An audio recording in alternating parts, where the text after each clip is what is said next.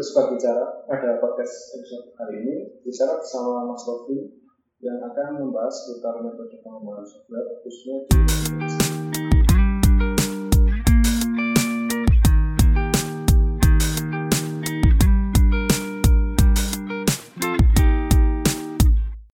Nah, pertama-tama kenalan dulu untuk Mas Rofi. Mas, apa kabar? Alhamdulillah baik. Halo sobat bicara. Aku Tovin, Scrum Master dari DOT Indonesia.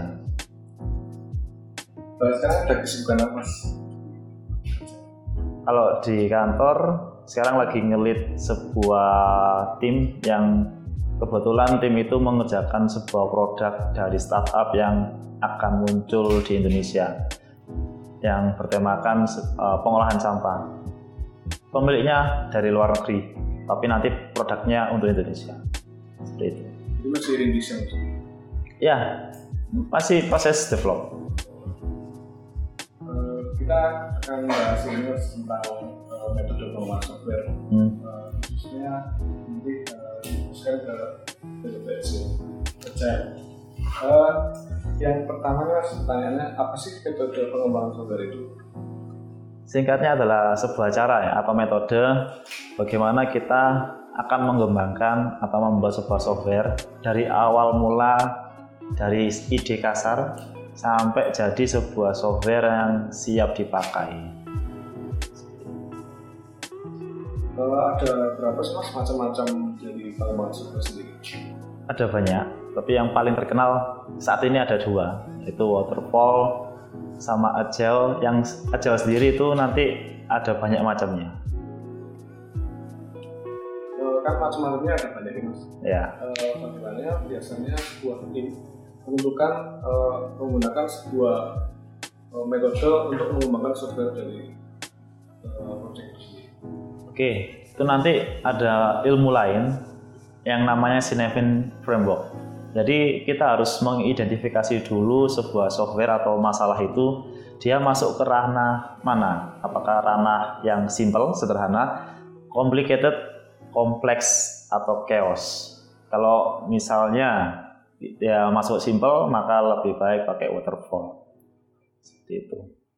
Eh, berarti tergantung eh, kayak eh, tingkat kesulitan dari sendiri. Iya, Eh, kita mau fokus ke agile mas. Siap. kan sekarang banyak perusahaan startup yang bermunculan yang menggunakan metode agile sebagai metodologi dalam pengembangan perangkat lunaknya. Hmm. Sebenarnya apa sih metode agile ini? Agile. Agile sendiri secara bahasa itu adalah pangkas ya. Dan semacamnya. Tapi sebenarnya bukan untuk itu. Sebenarnya makna yang lebih tepat adalah sifat yang adaptif. Untuk apa? Adaptifnya adalah sifat beradaptasi terhadap perubahan. Itu sangat populer banget saat ini karena dulu yang kasus sangat besar yaitu Nokia. Nokia yang sangat berjaya jatuh eh, karena salah satu poinnya terlambat atau mungkin kurang cepat dalam beradaptasi terhadap perubahan. Itu salah satu yang mendorong banyak perusahaan-perusahaan mulai beralih ke metode baru yaitu agile. Seperti itu. Eh, kan banyak dari eh, eh, masuk kuliah Hmm. mungkin agak bingung eh, tentang metode-metode ini mas. Kan Oh. eh, biasanya di kuliah itu diajarkan metodenya waterfall. Hmm. Bedanya agile sendiri dengan waterfall. Oke, kalau nyambung ke pengertian secara makna tadi yang sifat yang adaptif itu perbedaannya ya. Waterfall itu secara makna tadi, secara bahasa dia itu air terjun, yaitu aliran yang dia nggak mungkin bisa kembali air terjun itu. Jadi proses pengembangan software yang dia berawal dari analisa, desain, implementasi, coding, testing, sampai nanti launching itu berurutan. Berurutan. Dan kalau sampai ada yang berubah, maka itu akan merusak flow. Biasanya akan diulang lagi. Itu. Kalau agile dia lebih eh, mungkin sifatnya secara makna karena di adaptif, maka biasanya tidak seperti itu. Gambarnya seperti cycle. Dia putaran-putaran kecil seperti itu. Itu uh, gambarannya. Tapi secara makna mungkin sangat luas karena Agile sendiri nanti itu adalah uh, nanti ada beberapa orang di luar negeri yang mereka itu membuat kesepakatan tentang Agile yang disebut Agile Manifesto.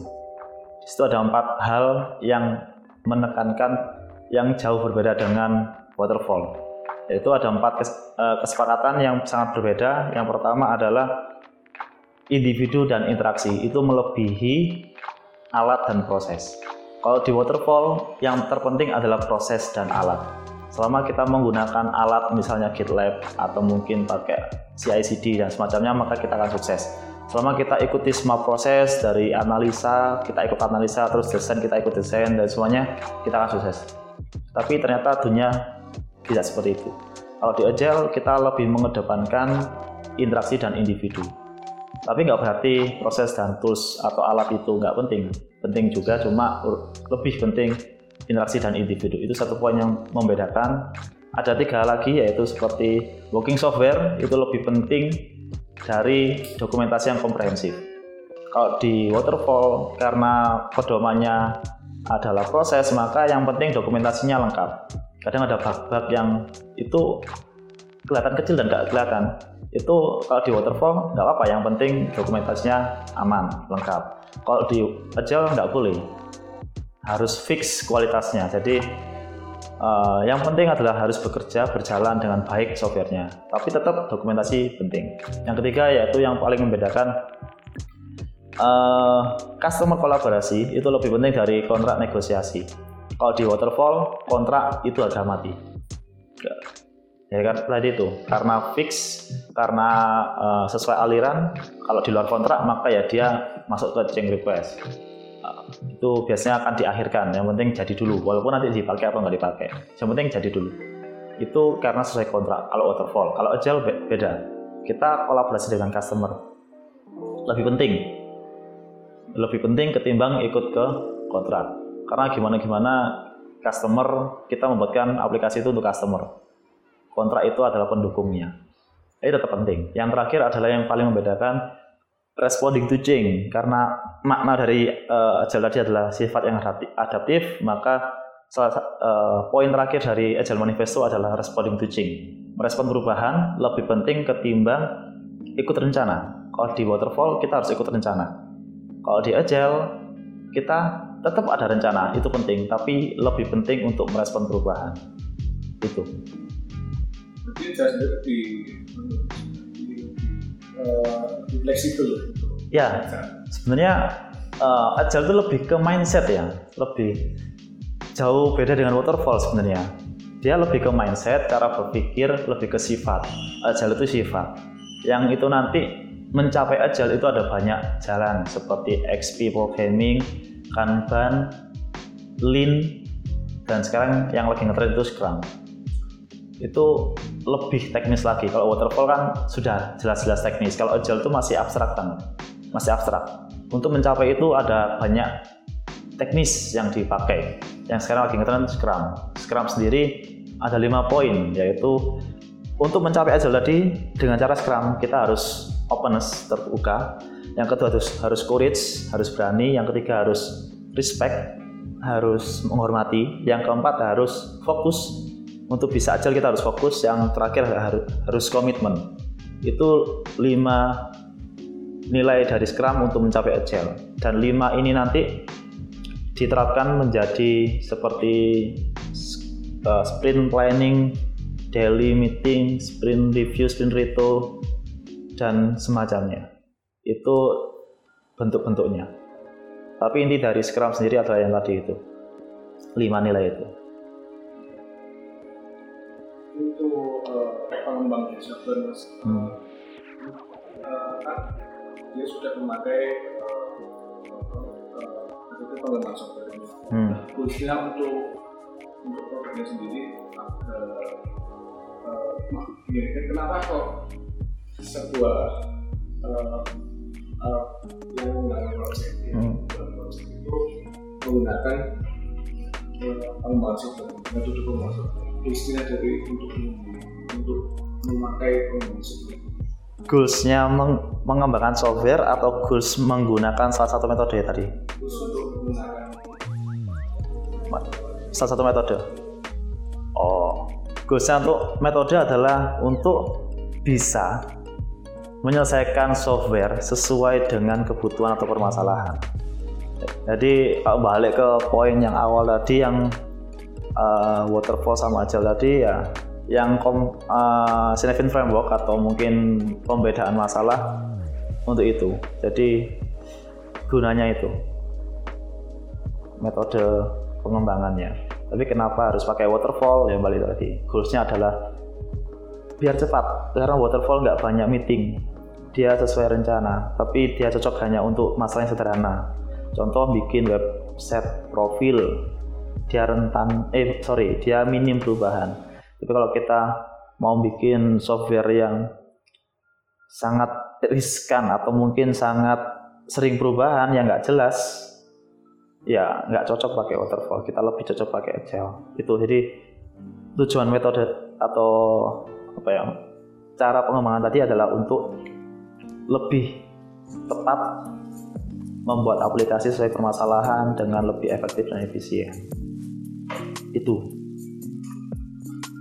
Nah, ini misalkan saya mau memilih metode Hmm. saya pilih agile hmm. step-step untuk mengembangkan aplikasi dengan agile ini lama-lama seperti itu?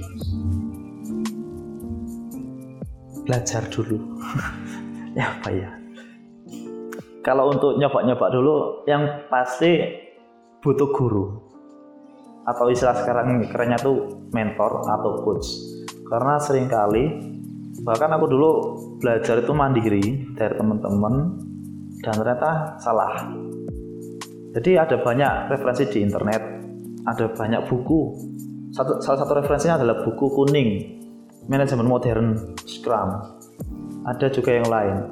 Tapi itu semua buku ada juga uh, Scrum Guide atau pedoman Scrum. Itu juga sangat membantu. Tapi kalau nggak ada gurunya biasanya pemahamannya bisa keliru. Atau mungkin kalaupun nggak keliru biasanya untuk mencapai pemahaman yang tepat itu butuh proses yang panjang dan nggak gampang. Itu sih paling paling bagus paling enak itu awalnya adalah cari guru dulu gimana mas misalnya kita kayak mahasiswa ini kan mungkin uh, dari dosen sendiri mungkin belum ada yang tahu gitu. Kita nyarinya gimana selain di internet ini? Komunitas. Ada komunitasnya. Kalau mau join di Scrum Malang. Ada. Dan kebetulan sekarang lagi banyak banget yang cari Scrum Master. Dan aku sering ditawari berkali-kali dan aku nggak bisa dan waktu ditanyai ada rekomendasi nggak? Nggak ada. Serius. Susah pokoknya. Jarang. Dan setiap kali yang bikin meet up itu yang datang dikit dikit. Gitu.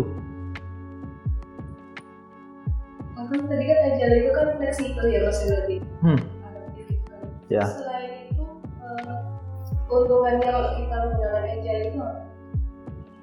Keuntungannya kita dapat masalah banyak. Iya serius. Iya. Dengan agile kita akan lebih transparan. Dengan transparan kita akan melihat banyak masalah mulai bermunculan. Iya. Tapi dari situ kita akan lebih mudah untuk beradaptasi atau mungkin mengantisipasi kemungkinan terburuk. Kalau di waterfall biasanya kan um, sorry nggak semua waterfall sih. Tapi kalau ketika di tim itu kurang terbuka kurang transparan biasanya kan ama, awalnya terlihat aman-aman saja. Lama-lama kok di akhir-akhir sebulan dua bulan baru kelihatan masalahnya. Padahal waktunya sudah mepet. Oh, Hmm? saya agak bingung tentang Scrum Master sama Project Manager itu apakah memang itu beda? beda apa kesamaan dari uh, secara definisi apa ya? Ada persamaan ada perbedaan. Persamaannya adalah mereka sama-sama leader di tim. Sama-sama leader di tim. Bedanya, project manager na- dari namanya sendiri dia adalah manager project. Dia fokus ke project. Jadi peran penting dari project manager adalah dia harus memastikan bahwa project itu selesai sesuai dengan waktunya, tepat waktu, aman. Istilah gampangnya adalah PM atau project manager itu memastikan bahwa project itu aman.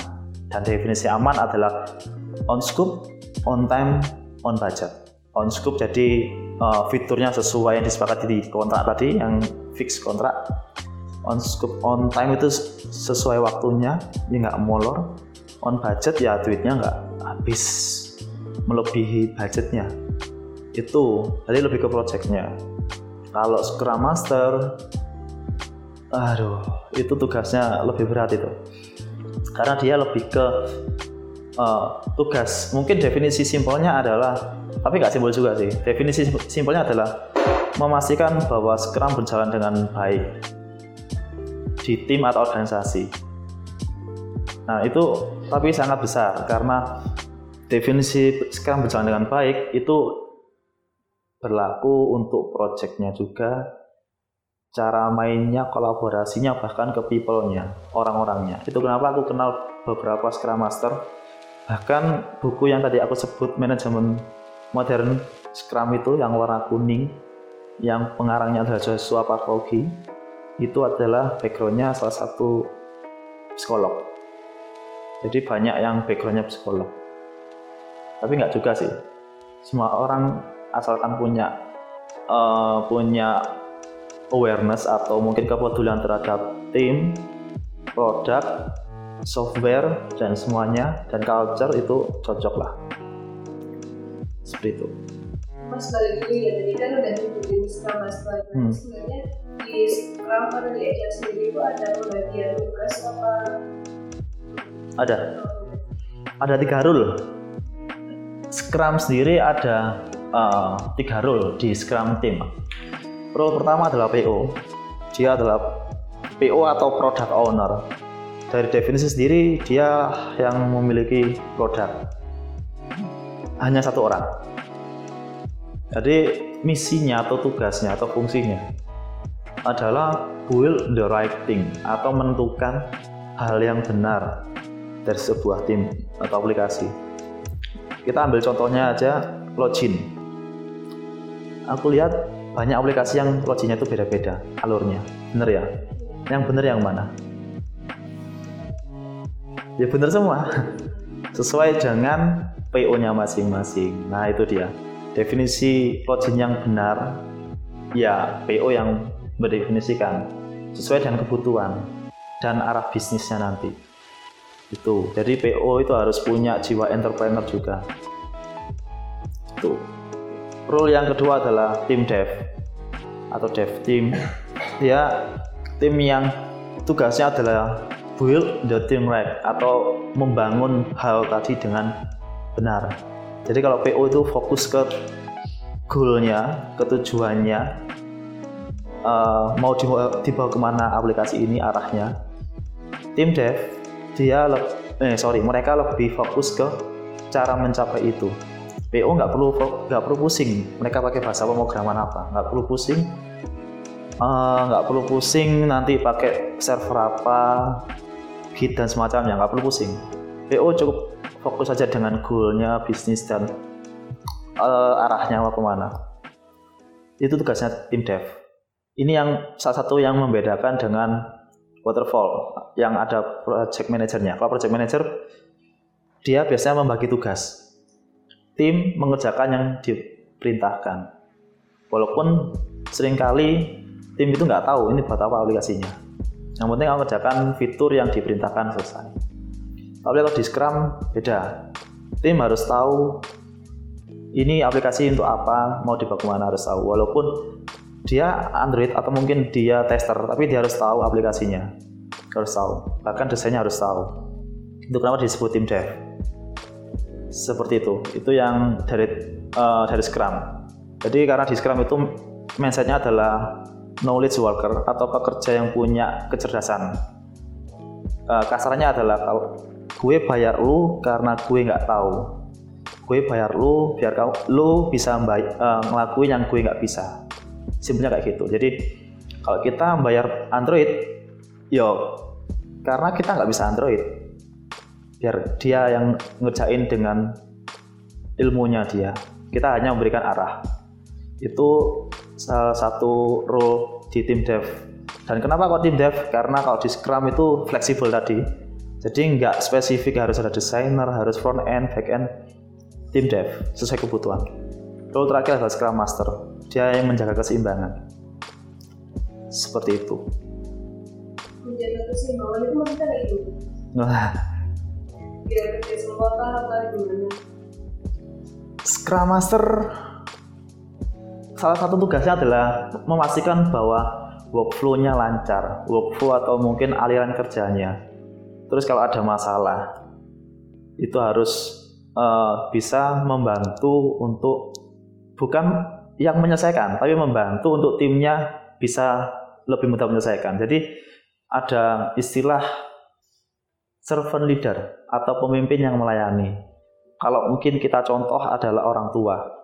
Orang tua itu yang baik adalah yang mendidik. Dan mendidik itu bukan membantu serta merta, nggak ngasih ikan, tapi ngasih pancing. Ini maksudnya ya. Seperti itu Scrum Master. Itu kenapa berat banget. Jadi walaupun uh, it, sorry itu kenapa Scrum Master nggak boleh sebenarnya uh, harusnya nggak boleh terlibat dalam proses development. Maksudnya nggak ikut ngoding nggak ikut desain. Tapi dia harus memastikan bahwa timnya aman tim dan kolaborasinya. Ya Scrumnya tadi. Culture-nya budayanya. Jadi otomatis walaupun dia nggak ngerjain tapi dia harus terlibat harus tahu. Ya seperti ayah itu ya orang tua. Uh, itu makna yang beratnya. Tapi simpelnya kalau di buku-buku ya bagaimana memastikan bahwa Scrum berjalan dengan baik. Terus apa namanya kalau timnya belum paham ya menjelaskan. Bahkan di level Scrum Master itu harus bisa memastikan Scrum atau uh, ya Scrum berjalan di level klien bahkan di level pimpinan. Nggak harus PO CEO dan semacamnya harus level. Kenapa Scrum Master berat juga. Dia harus belajar marketing finance people development programming banyak. Walaupun nggak semua saya ya. Itu. Secara nggak langsung belajar semua uh, iya biar lebih tepat mengarahkan dia harus tahu gimana kita mengajak orang marketing pakai Scrum. Kalau kita nggak ngerti marketing gimana kita mengajak anak kampus belajar Scrum kalau kita nggak tahu bagaimana kehidupan kampus? Seperti itu. Itu sih. Kita ngomongin tentang keunggulan hmm kalau kekurangan banyak. Nanti sering berantem. Iya. Salah satu nilai di Scrum adalah openness terbuka. Jadi bahkan klien harus terbuka dengan kita dan kita harus terbuka dengan klien. Jadi bahkan di, di tim uh, kami kemarin itu ada tim yang dia laptopnya bermasalah yang ngomong laptopnya bermasalah gimana solusinya. Terus ada yang saya bimbingan skripsi nih soalnya ada beberapa karyawan yang dia masih statusnya kuliah skripsi. Ya udah dia ngomong nggak uh, boleh diam-diaman. Kemungkinan saya akan izin untuk bimbingan skripsi. Jadi harus open. Bahkan ada yang ngomong saya mau menikah gitu. Ini ngomong ke kliennya. Bahkan kalau ada masalah di kliennya kita harus berani ngomong. Pak maaf bapaknya so respon dan semacamnya dia harus open. Uh, itu kenapa Scrum itu banyak masalah dan membuat semua masalah itu kelihatan. Jadi nggak enaknya nanti akan ada banyak tabrakan. Jadi ingat-ingat masa awal-awal dulu nerapin Scrum tabrakannya banyak dari sisi developer sisi klien sisi pak bos teman sendiri banyak. Itu nggak enaknya kalau misalnya kliennya nggak tahu kita tuh nerapin scrum langsung Hmm. apa mungkin mereka tersinggung gitu? Oh, tersinggung itu salah satu eh, itu tadi kenapa? Itu sebenarnya tugas Scrum Master ya. Eh, menanamkan atau mengajarkan Scrum ke berbagai pihak nggak cuma tim tapi juga stakeholder eh, klien user dan semacamnya itu kenapa Scrum Scrum Master juga perlu belajar lain? Salah satunya adalah eh, apa namanya marketing. Pernah dengar soft selling?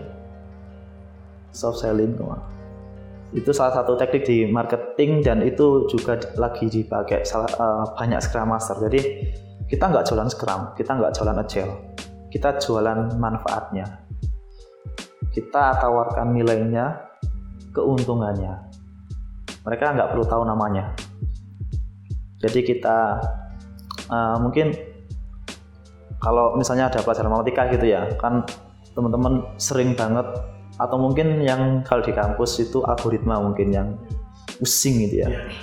Nah, jadi kalau mau ngajarin algoritma ke mahasiswa, jangan langsung kasih nama algoritma.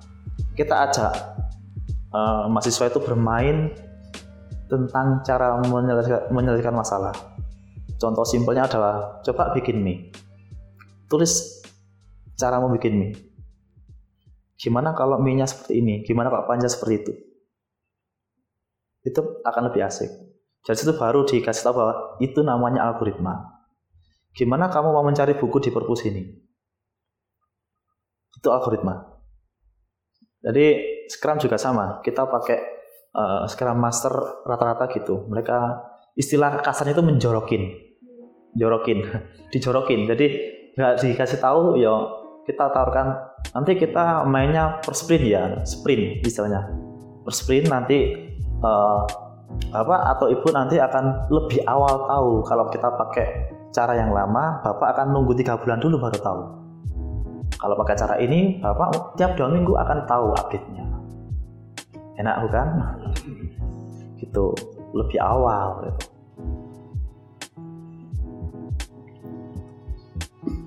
Eh, untuk kan tadi kita ngomongin tentang metodenya untuk pengembangan software. Mhm. Kalau metode Agile sendiri untuk aktivitas sehari-hari bisa nggak diterapkan? Wah, kalau Agile sendiri sebenarnya dari Agile Manifesto sendiri dia itu untuk software. Jadi eh, apa namanya? Kan ada tadi individual interaction, over process and tools. Untuk poin itu bisa diterapkan di tempat lain, contohnya kampus.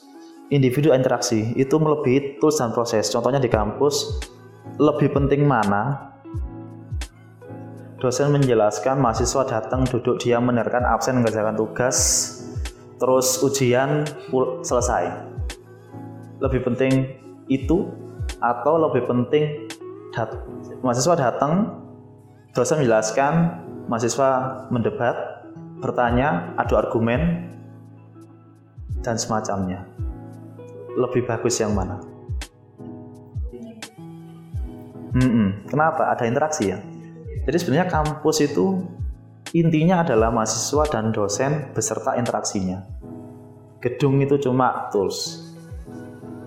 Mata kuliah itu cuma tools. Terus proses di kelas itu cuma ya cuma proses, ujian cuma proses. Banyak mahasiswa yang dia tuh IPK-nya tinggi, rajin, tapi kenapa kak kayak nggak bisa apa-apa gitu ya? Ilmunya kok kayaknya nggak bermanfaat ya? Mungkin karena dia kurang interaksinya.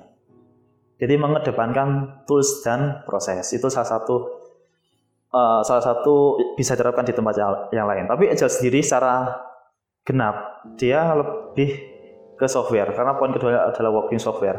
Tapi kalau Scrum itu bisa untuk hal yang lain. Karena Scrum itu framework bukan metodologi ya, dia lebih framework yang eh, nilainya sangat umum yaitu terbuka, berani, uh, menghargai atau respect, fokus dan komitmen. Itu udah aku pakai di uh, nggak cuma untuk agile di tim software juga untuk aku beberapa kali ngisi uh, PLDK atau semacamnya ke organisasi seperti OSIS di SMK atau mungkin di HMC kampus. Bahkan rumah tangga juga pakai itu. Walaupun nggak tak sebutin. Maksudnya nilai-nilainya kita harus terbuka. Jadi awal-awal kan banyak crash tuh sama istri awal-awal kan beda budaya beda anu. Ya harus terbuka harus berani harus respect harus komitmen harus fokus. Terus kita coba tiap sprint. Aku mungkin ngomongnya tiap dua minggu atau berapa minggu kita ngopi atau ke mana gitu ngobrol perkembangannya gimana jalan. Itu scrumnya kalau agile sendiri beberapa bisa dipakai untuk apa namanya uh, dunia lain? Uh, maksudnya untuk bidang lain tapi secara utuh sebenarnya untuk software karena ada point working software tadi. Itu alasan kita untuk belajar tentang metodologi software ah biar lebih terarah dalam membuat sebuah software. Karena kita membuat software itu untuk dimanfaatkan bukan untuk cuma buat tugas dapat nilai bagus ya kan? Dan untuk membuat yang dimanfaatkan kita harus membuat sebuah yang berkualitas. Dan untuk membuat sebuah yang berkualitas kita butuh tim dan butuh cara main. Dan itulah metode pengembangan tadi.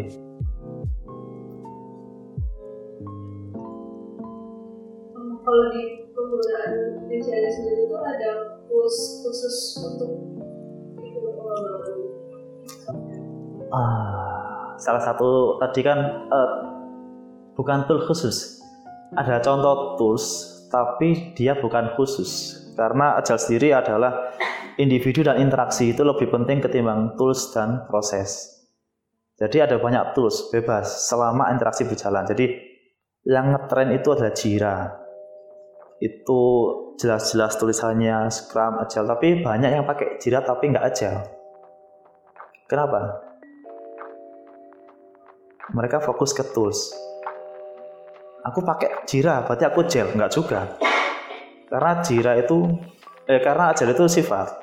Kayak aku udah kuliah aku pinter. Nggak juga. Itu. Jadi kalau beberapa tools itu ada banyak banget. Bahkan aku sendiri di tim itu pakai tools yang simple seperti Google Sheet. Itu simple banget. Tapi di situ ada interaksi. Trello Trello juga itu seperti Jira tapi versi gratis. Tadi ada banyak. Uh, untuk kolaborasi juga ada WA, ada uh, Skype dan ada banyak tools. Selama di situ ada interaksi. Itu.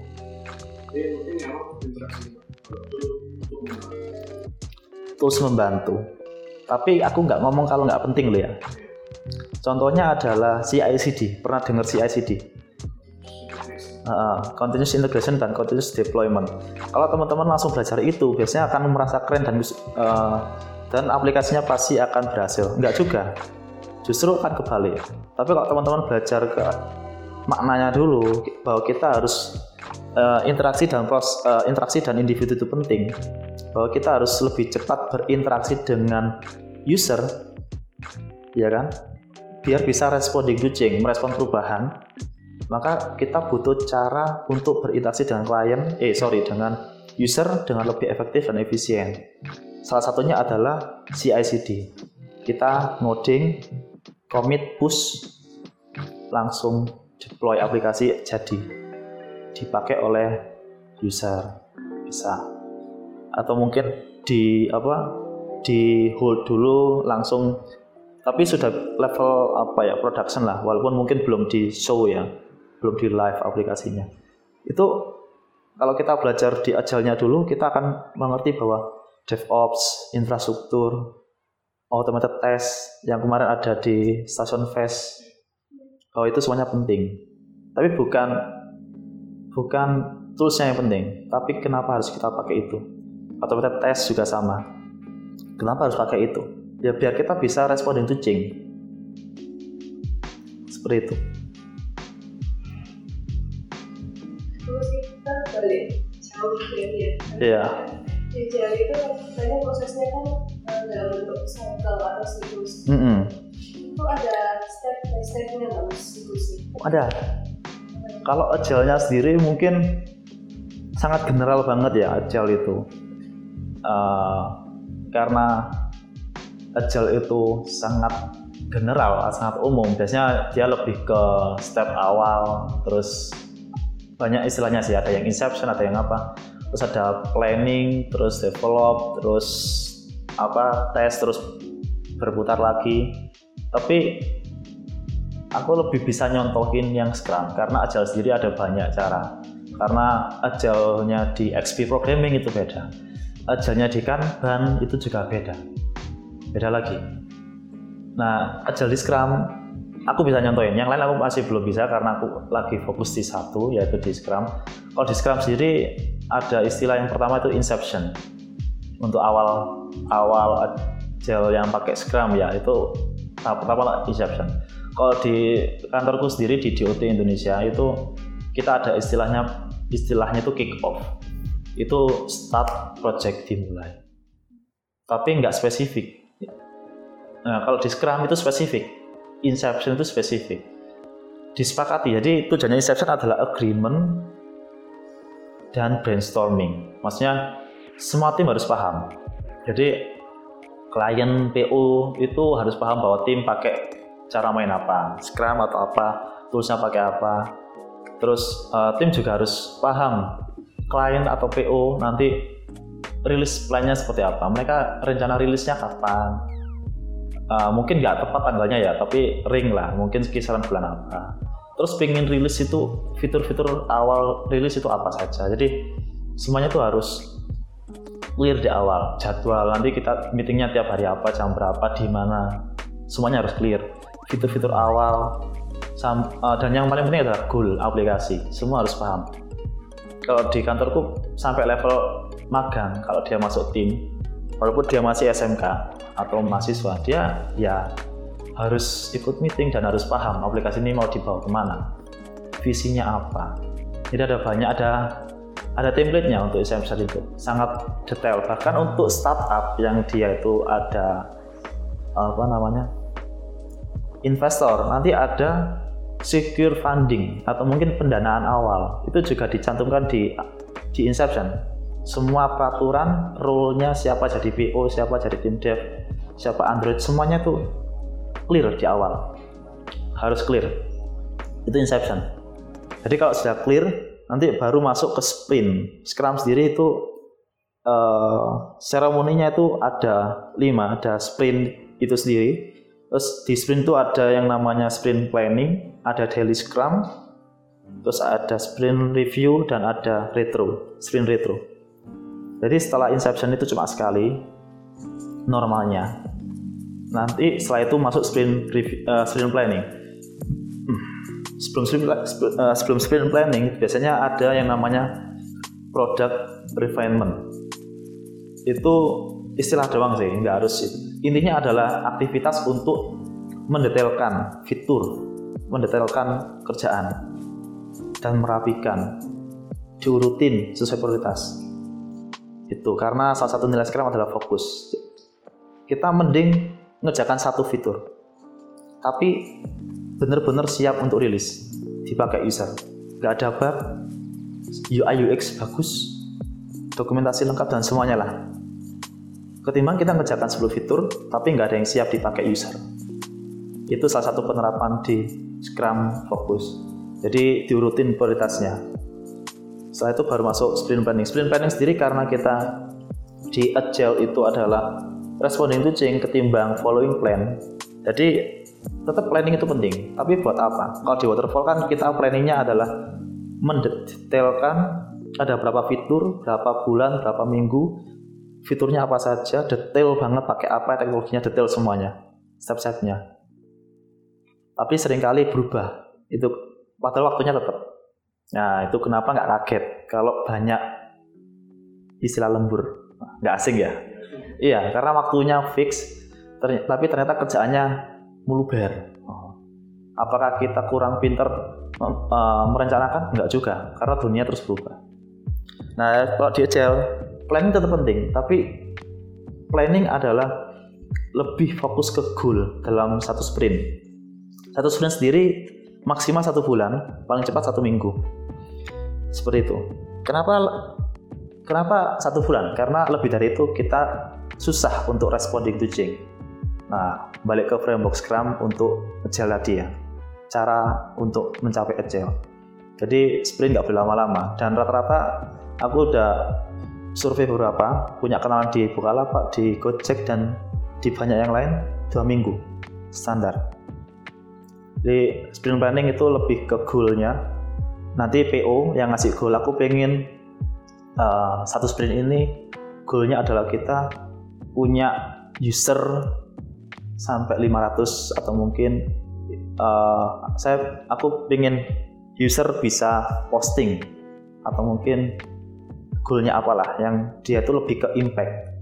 Biasanya urusannya bisnis. Nah nanti uh, tim dev langsung oh untuk mencapai itu kita akan membuat login yang seperti apa untuk membuat fitur seperti apa. Didetailkan. Jadi fitur nanti bisa berubah goalnya yang nggak boleh berubah jadi fleksibel itu yang sprint planning. Setelah itu nanti uh, tetap harus detail nanti.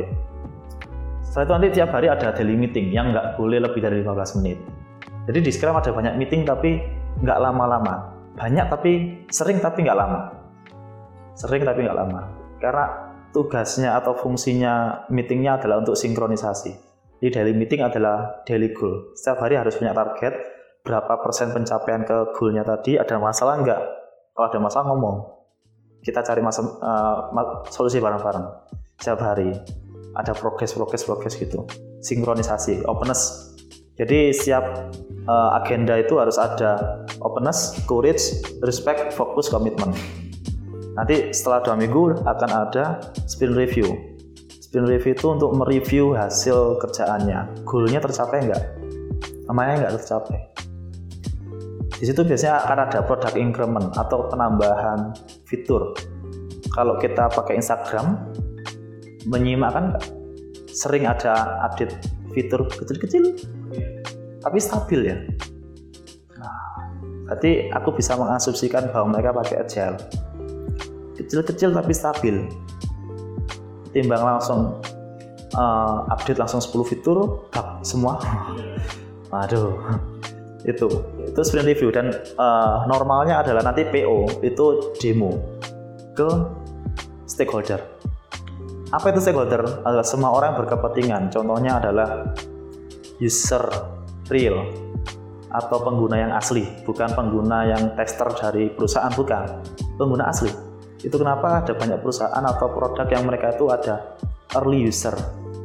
Kalau di Google ada yang namanya apa ya tester lah mereka sebagai tester. Mereka bisa mencoba produk Google lebih awal sebelum launching yang sesungguhnya.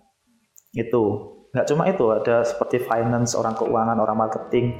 Ada banyak orang yang bahkan CEO itu seharusnya butuh.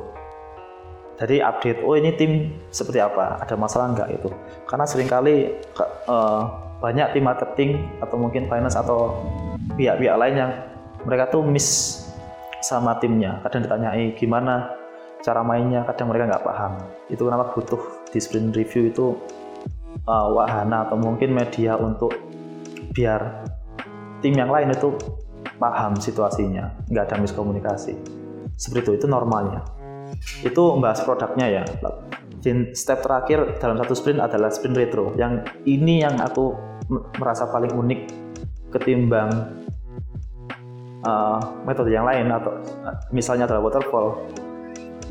Di retro atau sprint retrospektif itu yang kita membahas tentang orang membahas tentang kinerjanya. Kita nggak bahas tentang kerjaannya tapi cara kerjanya yang kita bahas. Beda sama waterfall yang kita fokus ke kerjaannya. Jarang kok ada yang patah hati gitu ya nggak dibahas. Kalau di agile sekarang harusnya ada kan ada poin respect tadi ya. Kita harus menghormati kalau ada anggota yang keluarganya meninggal. Sakit. Atau mungkin patah hati pun harus kita perhatikan. Iya itu berpengaruh loh. Sampai ke level situ. Jadi di retro itu kita evaluasi. Kalau di uh, organisasi bisa ada evaluasi habis acara. Kalau di scrum nggak boleh.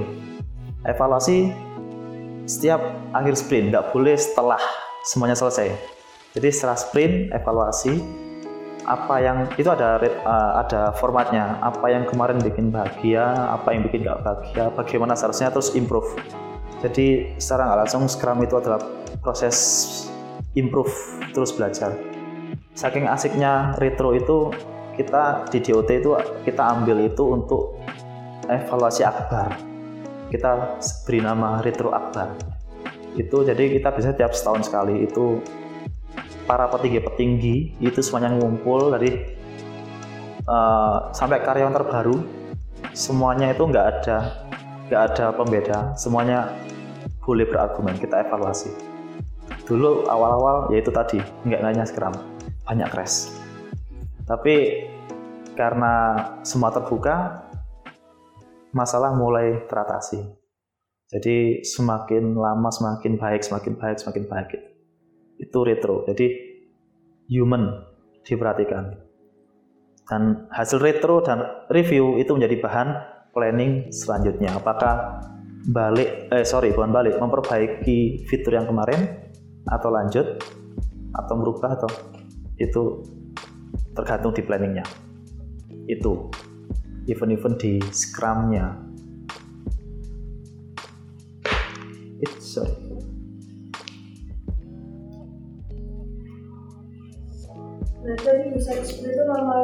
satu minggu sampai satu bulan ya? Nah, satu sprint normalnya. Itu satu sprint? Satu sprint. Dan standarnya sekarang rata-rata itu dua minggu. Karena satu bulan terlalu lama, satu minggu terlalu cepat. Gitu. Jadi biasanya kalau misalnya aku uh, pengajaran software pakai AI ini, hmm. biasanya maksimal berapa bulan? Hmm, Aduh, nggak ada maksimalnya. Jadi uh, mindsetnya beda jauh dengan waterfall ya. Kalau waterfall, man, kita nanti ini lagi bahas topik yang sedikit berbeda, tapi bersinggungan yaitu tentang mindset project dan produk.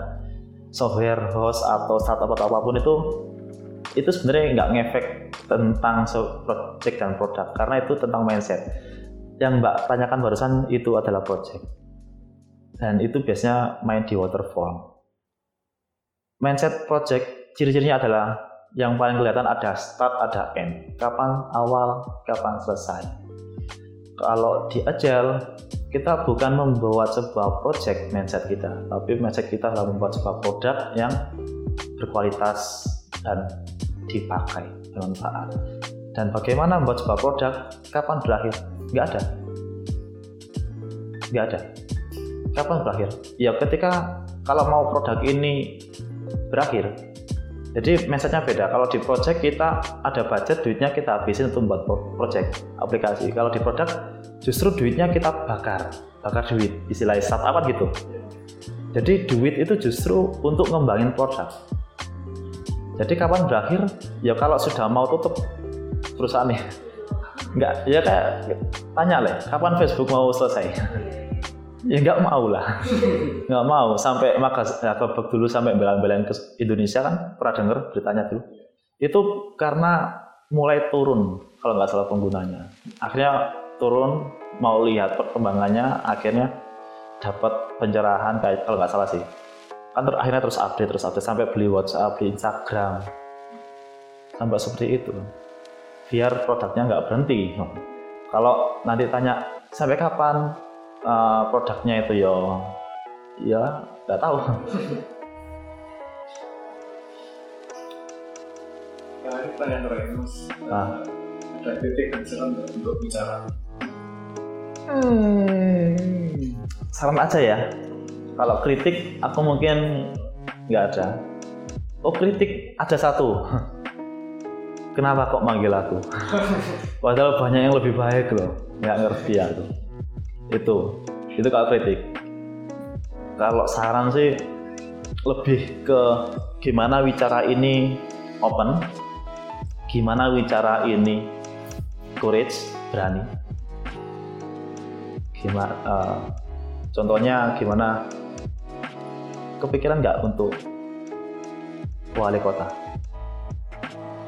Ah presiden harus berani. Buka lapak CEO-nya courage openness tadi. Terus saran yang ketiga adalah gimana bicara ini respect menghormati anggota tim menghormati diri sendiri menghormati kuliahnya. Kan masih kuliah sih? Iya. Ya.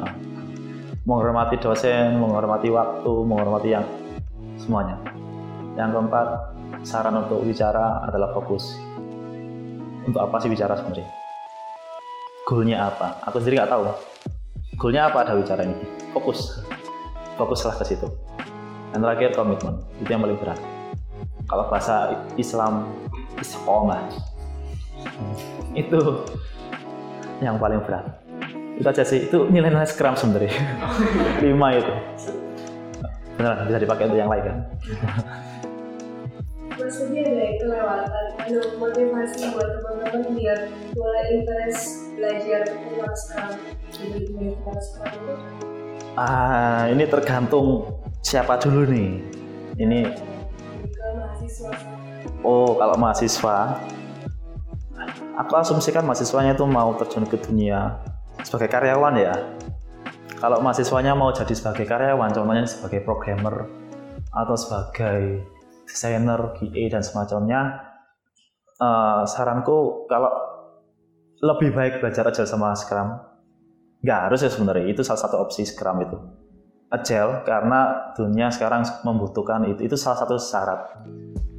Standar lah standar baru. Jadi kalau nggak punya itu berat. Banyak perusahaan yang mau menerima dengan konsekuensi mengajari tapi karena saingannya banyak kan Iya. ya perusahaan akan melirik yang sudah punya basic itu kalau mau jadi karyawan. Kalau mau jadi founder mau bikin perusahaan kita sekarang di, di era yang unpredictable. Aku sempat ngisi eh, acara di itu Polinema ya. Judulnya kan unpredictable era digital yang unpredictable yang susah ditebak kalau kita mau bikin perusahaan di era digital yang saat ini yang nggak bisa ditebak kita harus punya sifat yang agile. Karena kalau nggak gitu Nokia aja. Kayak gitu.